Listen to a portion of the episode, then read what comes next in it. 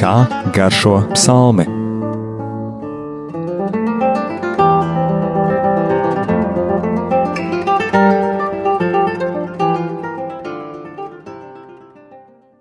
Slavēts Jēzus Kristus. Mūžīgi mūžos slavēts. Studijā Stela un Anģela. Šodien mēģināsim sagaršot, kāda ir 23. psalma garša. Krievu tulkojumā viņš ir 22. Un psalms nav pārāk garš, bet saturā ļoti bagāts. Šis psalms pats ir kā tāda lekna, zāļaina pļāva, kurā mēs varam iet un kost šo dieva vārda zāli un iet pie skaidra ūdens, dzert šo dieva vārdu. Psalms atkal ir kā stāstījums, nosaukts Dāvida dziesma Un vismaz latviešu tulkojumā tur nav minēti ne instrumenti, ne kora vadītājs. Tātad to var dziedāt cilvēks gan viens, gan vairāki, vai kā atrod par vajadzīgu. Un var piebilst, ka šim tekstam ir arī komponējuši uh, dziesminieka mūziku. Un kāds baptistu komponists arī ir licis notīs šos vārdus: Kungs ir mans gans, man netrūkst nekā. Psalms ir īss, bet, kā jau teicu, ļoti saturīgs, un viņš satur sevī tādu, varētu teikt, drāmu, slavēšanu. Tur nav tieši tādas doksoloģijas, jeb tādu tiešu slavēšanas vārdu, bet Dāvids caur šo stāstījumu slavē Dievu un pastāsta, kā ir būt dieva pārvaldībā, sekot viņa likumam, jo arī šo likumu mēs varam redzēt kā tādu gana spieķi, ar kuru dievs mēģina cilvēku noturēt tajos rāmjos, lai cilvēks pats sev nekaitētu. Un, lai iesāktu psalmu pētīt, mēs varēsim arī tuvāk pieskarties tam, kāpēc tur ir teikts, ka kungs ir gans, kas tad īsti ir gans svētajos rakstos un senajās kultūrās. Jo mūsdienās šis jēdziens gandrīz vai pašai jaunākajai paudzei ir absolūti nesaprotams. Nu, tie, kas pazīst vēl kādus vecākus cilvēkus, zina, kā tad ir bijis ganam iet, vest tās govis, meklēt to pļāvu, Dažkārt ganam visai grūta dzīve bijusi, ir augsts, ir gājis bass un nevisai patīkam, un izrēliešu ganam dzīve bija vēl krietni grūtāka, bet par to tiešām būs nepieciešams tuvāks skaidrojums, jo mūsdienās jau viss pat lopu ganīšana notiek ar drāšu žogu un elektrību, un mums ir diezgan maz palicis šo priekšstatu par to, kā norisinājās dzīve, kad lopus ganīja cilvēks, un kad nebija dažādu tehnoloģiski jaunievedumi, kuri no vienas puses dzīvi atlieklo, bet no otras ļoti mūs nošķir gan no dzīvās dabas, gan citu no cita.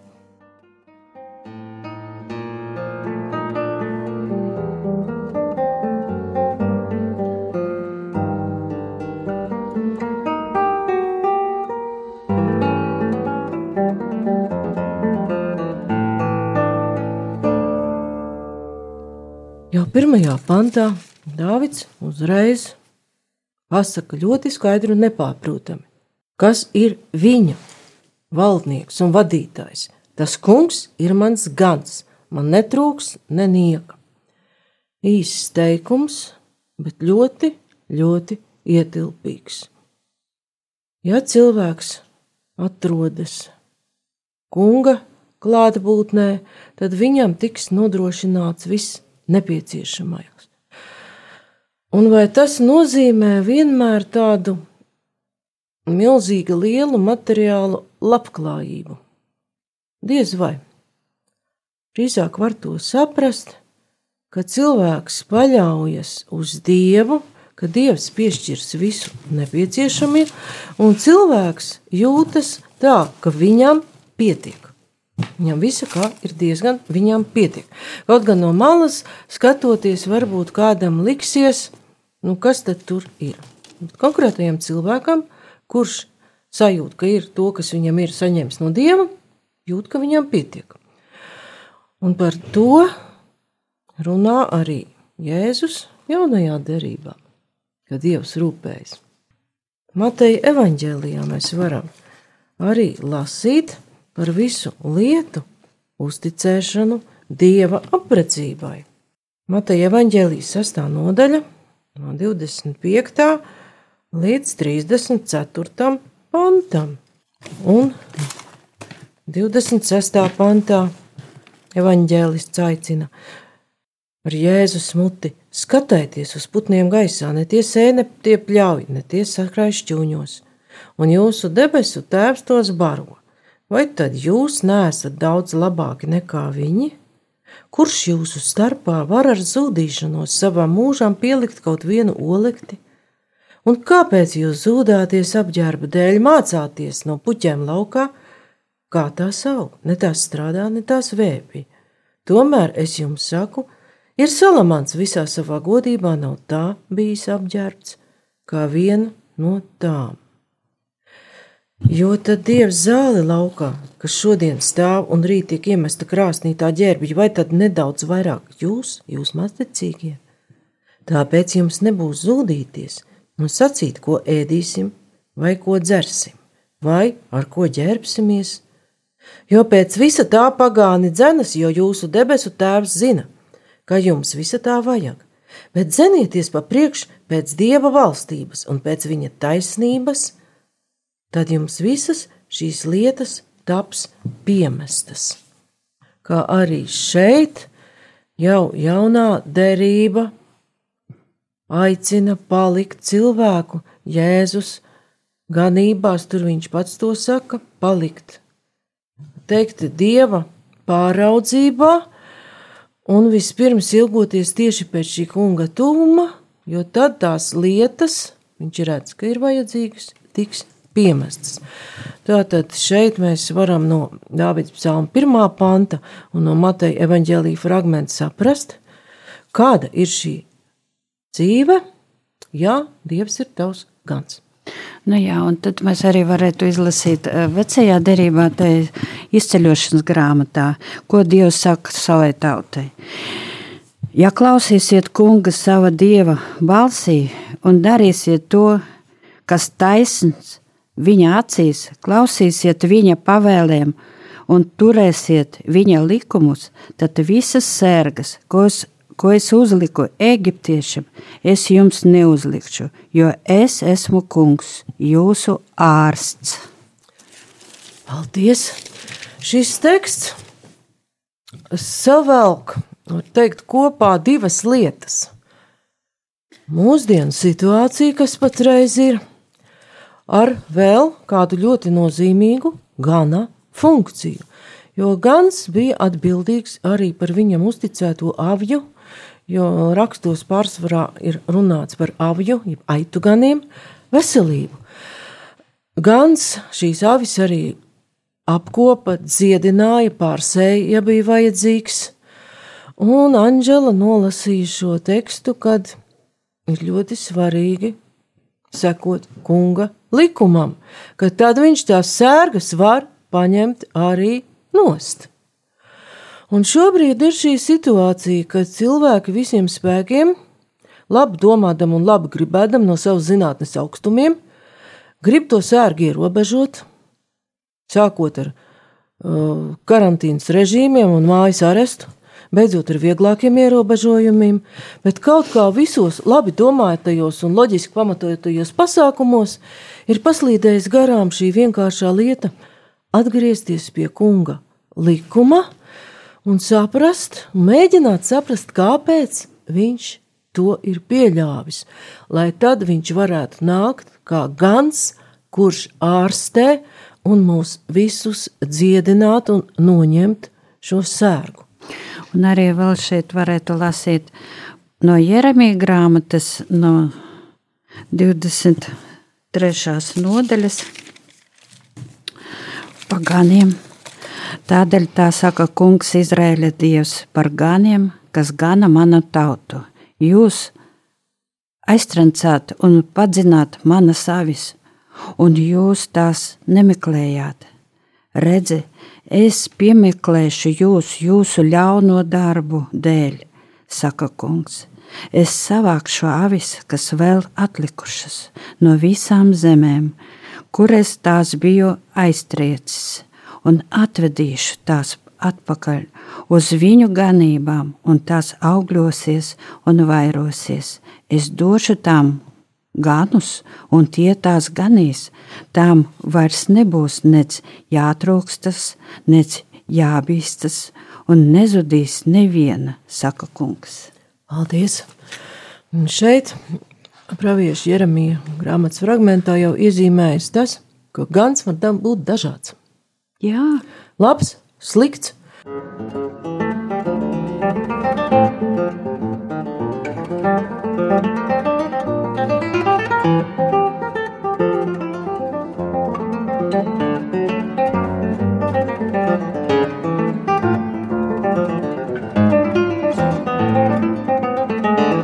Studijā Stela Jurgena un Anģela Roze Juniķe. Tagad mēs īsi varam iziet pa cauri, kur jau mēs pašā sākumā redzam ganu radīšanas grāmatā, 4. nodaļa, 2. pantā, kas ir gans. Ābels ir avju gans. Izceļošanas grāmatā, 3. nodaļā, 1. pantā, mēs lasām, ka arī Mūzus bija gans. Pirms kungs viņu aicināja, viņš ganīja sievas tēva Midiāna priestera Jetrus avis. Un tā kā no tā gana laidara viņš tika pārcelts ar ganu izredzētai tautai, izvest šīs savas avis no verdzības uz apsolīto zemi. 1. samuēļa 16, 11.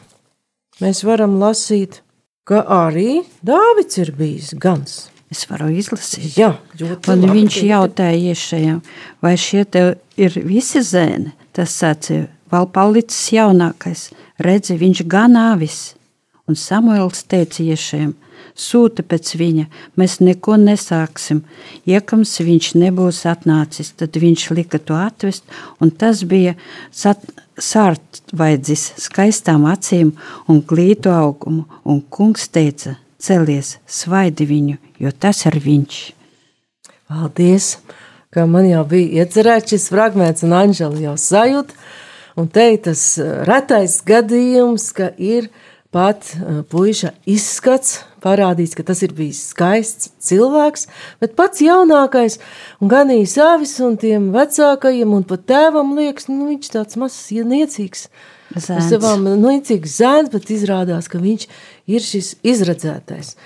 Un arī psalmā varam lasīt 78. psalms, 69 līdz 71. Viņš cēla savu svētnīcu līdzīgi augstajiem kalniem un tik spēcīgi kā zeme, kurai viņš mūžīgus pamatus licis. Jo kāpēc liekas, kāpēc es sāku lasīt ar to svētnīcu? Eh, Jo 23. Pan, psalma 6. pantā mēs varam saprast, ka Dāvids arī atzīst, ka labi būt kunga namā. Tiešām labums un žēlastība man pavadīs visu manu mūžu, un es palikšu tā kunga namā vienmēr. Tātad tur šajā psalmā pirmais un pēdējais pants saslēdzas kopā. Kungs ir mans gans, un es palikšu viņa namā. Tātad es palikšu te viņa apredzības lokā. Un 78. pantā mēs redzam, ka viņš cēla savu svētnīcu. Un tālāk ir, tad viņš izraudzīja Dāvidu savu kalpu un ņēma viņu no avju laidariem. Viņš lika viņam nākt no zīdītajām avīm, ganīt jēkabu, savu tautu un Izrēlu savu mantojumu, un viņš tos ganīja ar skaidru sirdi un vadīja viņus ar sapratīgu roku. Nu jā, un, un Kādam vēl vajadzēja būt drosmīgam. Ja? Jā, jo Dāvids pats, es tagad uzreiz šo epizodi no galvas nepateikšu, kur tas ir, arī aizstāvējis ir savu ganāmpulku pret lauku. Jā, es varētu izlasīt. Ļoti labi, jo es ar savu slinkumu to Bet Dāvids sacīja Saulam, tavs kalps bija gans sava tēva avīm. Kad nāca lauva vai lācis un nesa no ganampulka promjēru, es metos tam pakaļ. Pieveicu to un izglābu jēru no tā žokļiem, kad tie slēpjas pret mani. Slējās pret mani, es tos grābu aiz bārdas, pieveicu un nonāvēju. Tavs kalps ir kāvis gan lauvu, gan lāci, Un ar šo neapgraizīto filistieti būs tāpat kā ar tiem, jo viņš ir izaicinājis dzīvā dieva kaujas ierindu. Paldies! Tad šeit redzam, ka tas zēns, skaistā izskata zēns, nebija ar pliku roku ņemams, paļāvās uz Dievu un aizstāvēja savu garām pulku arī pret fizisku zvēru. Un vēl viens pants, jā, es jā. neizlasīju pašu galveno. un Dāvids piebilda, kungs izglāba mani no lauvas un lāči ķetnām. Viņš izglābs mani arī no filistieša rokas. Un tur jau ir runa par nākamo Dāvida cīņu ar Goliātu, kas filistiešu rindās bija pats stiprākais un varenākais un lielākais, bet, bet mēs jau zinām, kā tas viņam beidzas. Bet arī tas, ka uh, Dāvids pasaka, ka Dievs viņu to visu deva, to uzvaru un glāba viņu.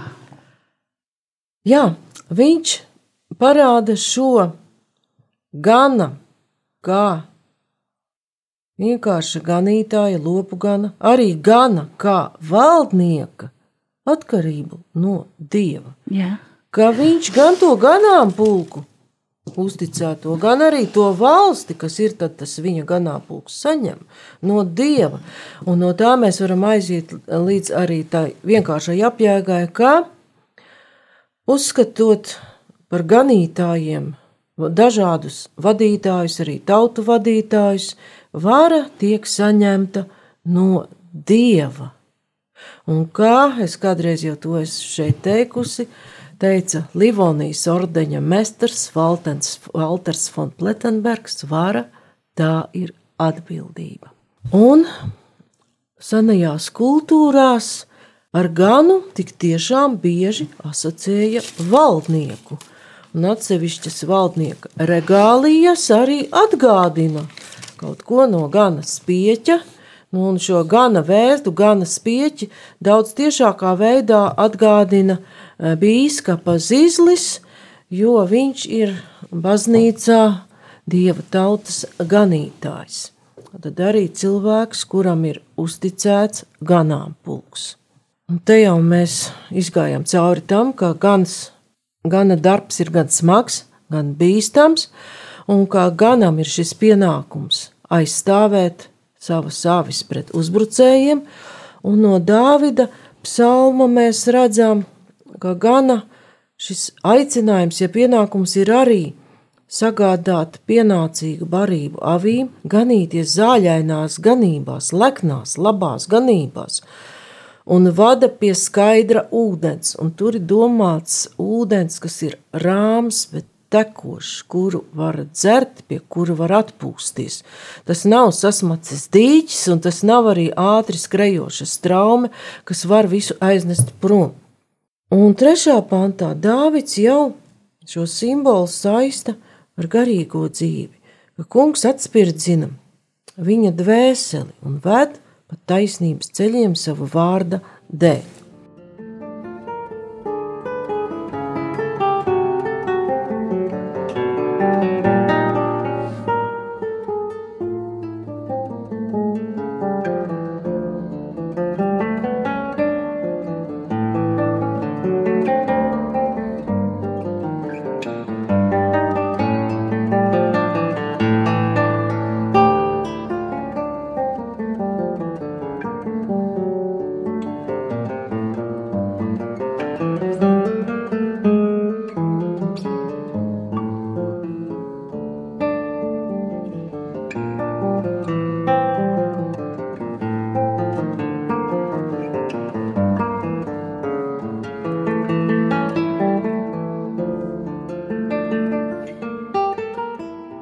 4. pantā Dāvids jau min tādu kā lūzuma punktu katra cilvēka dzīvē, jebšu es arī staigātu tumšā ielā, taču ļaunuma nebīstos, jo tu esi pie manis, tava gana vēzda un tavs gana zizlis mani iepriecina.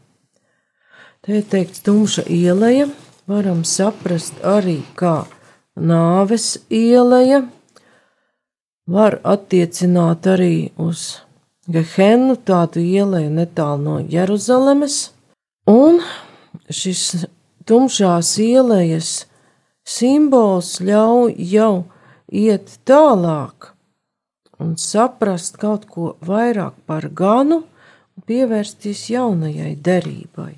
Jo kas tad ir šis gans kā kungs, labais gans? Jaunā derībā par viņu daudz ir teikts Jāņa evanģēlijā. Jaunā derībā jau šis kungs kā gans ir atklāts ļoti skaidri un saprotami. Jēzus pats saka, ka viņš ir labais gans, un, viņa, un šajos viņa vārdos ir arī šie norādījumi uz to, ka gani var būt gan labi, gan slikti ko ir runājis jau Jeremijs, ko mēs nesen te dzirdējām. Un Jāņa Evanģelijā desmitā nodaļā mēs varam lasīt. Patiesi, patiesi, es jums saku, kas neiet pa durvīm apjakūtī, bet citur kā piekšā ir zaglis un laupītājs, bet kas iet pa durvīm, ir apjugans. Viņam durvis sargs atver, un avis klausa viņa balsī, viņš savas avis sauc vārdā un izved tās ārā. Kad viņš visas savas avis izlaidis ārā, viņš pats iet tam pa priekšu, un avis viņam seko, jo tās pazīst viņa balsi. Svešam turpretī tās nesekos, bet bēgs no tā, jo viņas nepazīst svešinieka balsi. Šo līdzību Jēzus tiem stāstīja, bet tie nesaprata, ko tas nozīmēja, ko viņš uz tiem runāja.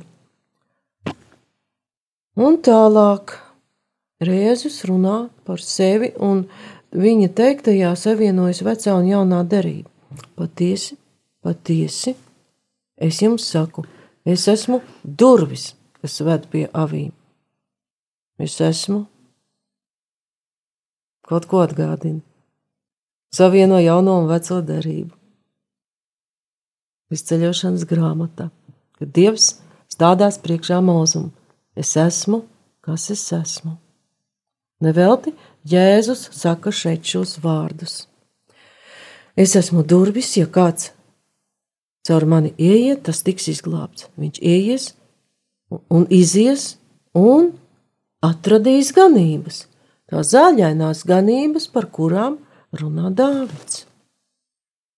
Zaglis nāk vienīgi, lai zaktu, nokautu un nomaitātu. Es esmu nācis, lai tiem būtu dzīvība un pārpilnība. Un seko 11. pāns, kas daudz plašāk izvērš Dāvida psalmā ietverto pravietojumu.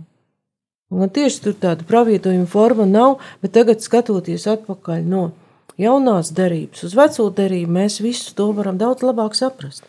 Jēzus saka par sevi: Es esmu labais gans. Labais gans atdot savu dzīvību par savām avīm.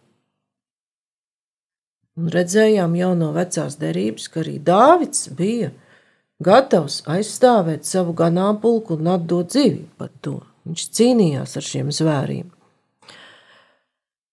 12. pāns Jāņa Evanģēlija 10. nodaļā. Darētais gans, kas nav īstais, kam avis nepiedara, redzēdams vilku nākam atstāja avis un bēg, un vilks tās nolaupa un izklīdina, jo viņš ir derēts gans, un avis viņam nerūp. Es esmu labais gans.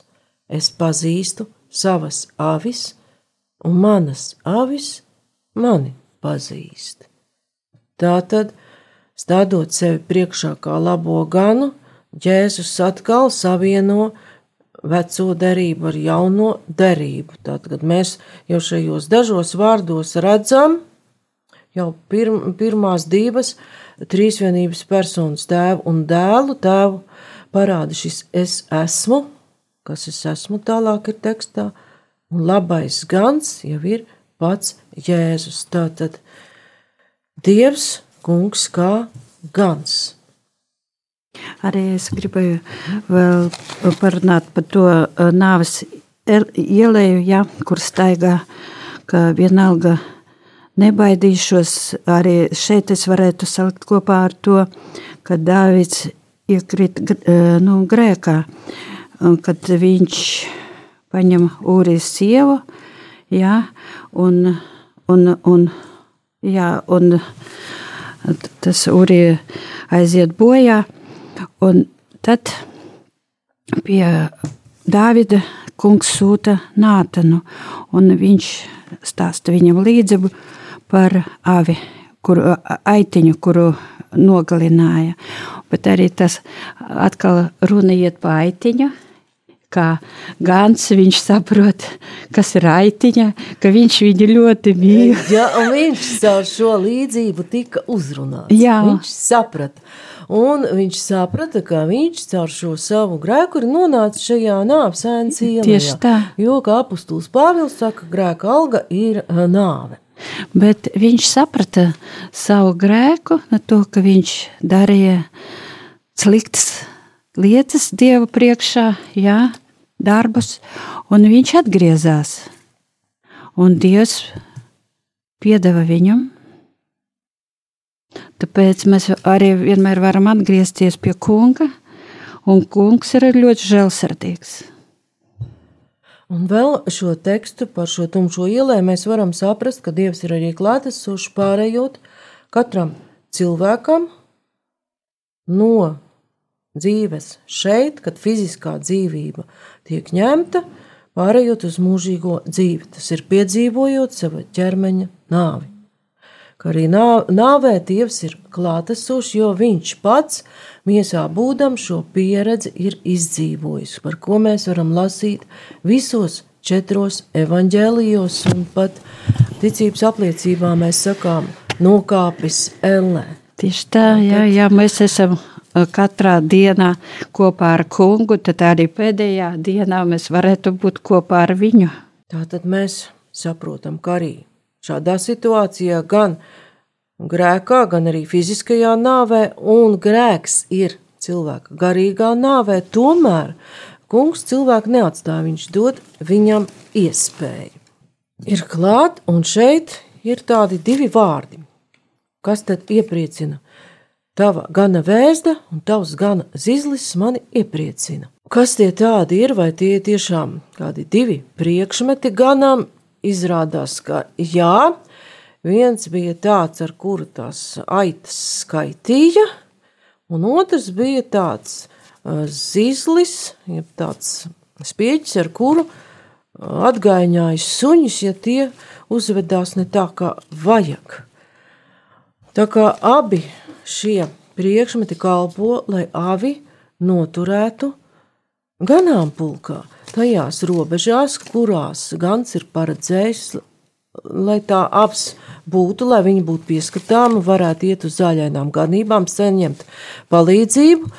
Un var teikt, ka ja kāds pravietis pasaka šo patiesību, kā tas notika ar Dāvidu, tur tas pravietis ir kā gans,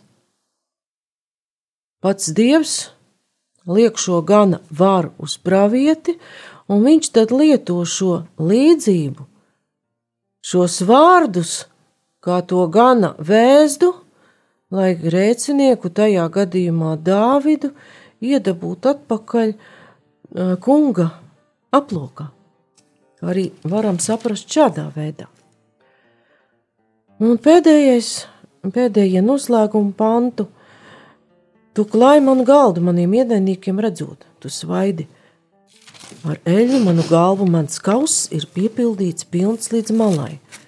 Tātad tas izvērš plašāk pirmo pantu, ka tik tiešām nekā netrūkst, galds ir pārpilnībā, un tur ir atsauce uz notikumiem, kur ir aprakstīti 1. samēla grāmatā, 21. pantā. 21. nodaļā, atvainojos 6.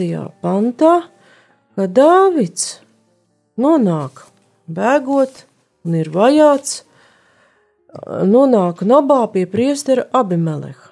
Un mēs lasām, jau pat no pirmā panta. Tad Dāvids nonāca nabā pie priestera Abimeleha. Un Abimeleks izbijās, nāca Dāvidam pretī un viņam jautāja, kāpēc tu nāc viens pats un neviena tev nav līdzi? Un tad Dāvids sacīja priesterim Abimelekam, ķēniņš man ir devis kādu uzdevumu. Viņš man sacīja, lai neviens nekā nedabū zināt par to lietu, kuras dēļ es esmu tevi sūtījis un par ko es esmu tev pavēlējis. Tāpēc es esmu saviem puišiem pavēlējis palikt noteiktā vietā. Un, nu, kas tev ir pie rokas pašreiz, dod man kādas piecas maizes, kas vien te atrodas. Tad priesteris atbildēja Dāvidam: Man nav šeit pie rokas ikdienišķās maizes, bet gan tikai svētās maizes, ja vien puiši ir atturējušies no sievām. Tad Dāvids atbildēja priesterim: Tiešām, sievas mums jau trīs un pat vairāk dienas nav bijušas pieņēmumas, mēs esam ceļā. Šo puišu miesas ir šķīstas un lietas bija svētas arī šoreiz, kaut tas ir parasts gājiens. Bet cik daudz vairāk tas izcelsies šodien, kad tas tiks svētīts ar šo svētumu. Tad priesteris viņam iedeva svēto maizi, šo svētumu, tāpēc, ka tur nebija citas maizes, kā vienīgi tikai pāri palikušās tam kungam priekšā ceļamās maizes, kuras noņēma, lai atkal tanī pašā dienā uzliktu jaunas. Ka var saprast, ka Dāvids atceras šo notikumu un izprot kā tādu, ka pats kungs viņam klāja šo galdu, ienaidniekiem redzot. Arī Pāvila pirmajā vēstule korintiešiem, desmitajā nodaļā mēs varam lasīt, vai svētības bikiris, ko mēs svētām, nav savienošanās ar Kristus asinīm, vai maize, ko mēs laužam, nav savienošanās ar Kristus miesu, jo viena maize, viena miesa esam mēs daudzie, tādēļ, ka mēs visi esam līdzdalīgi pie šīs vienas maizes. Paldies! No šī lasījuma jau mēs varam saprast, ka Dāvida psalms un arī notikums Samuela grāmatā jau ietver norādījumu uz jauno derību un uz evaharistiju.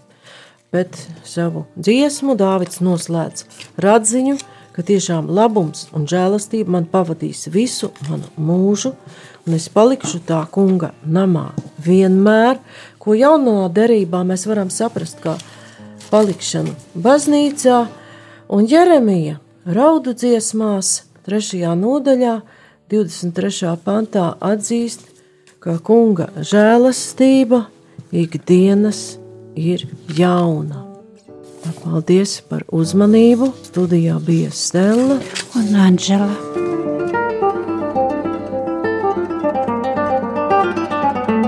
Kā garšo psalmi?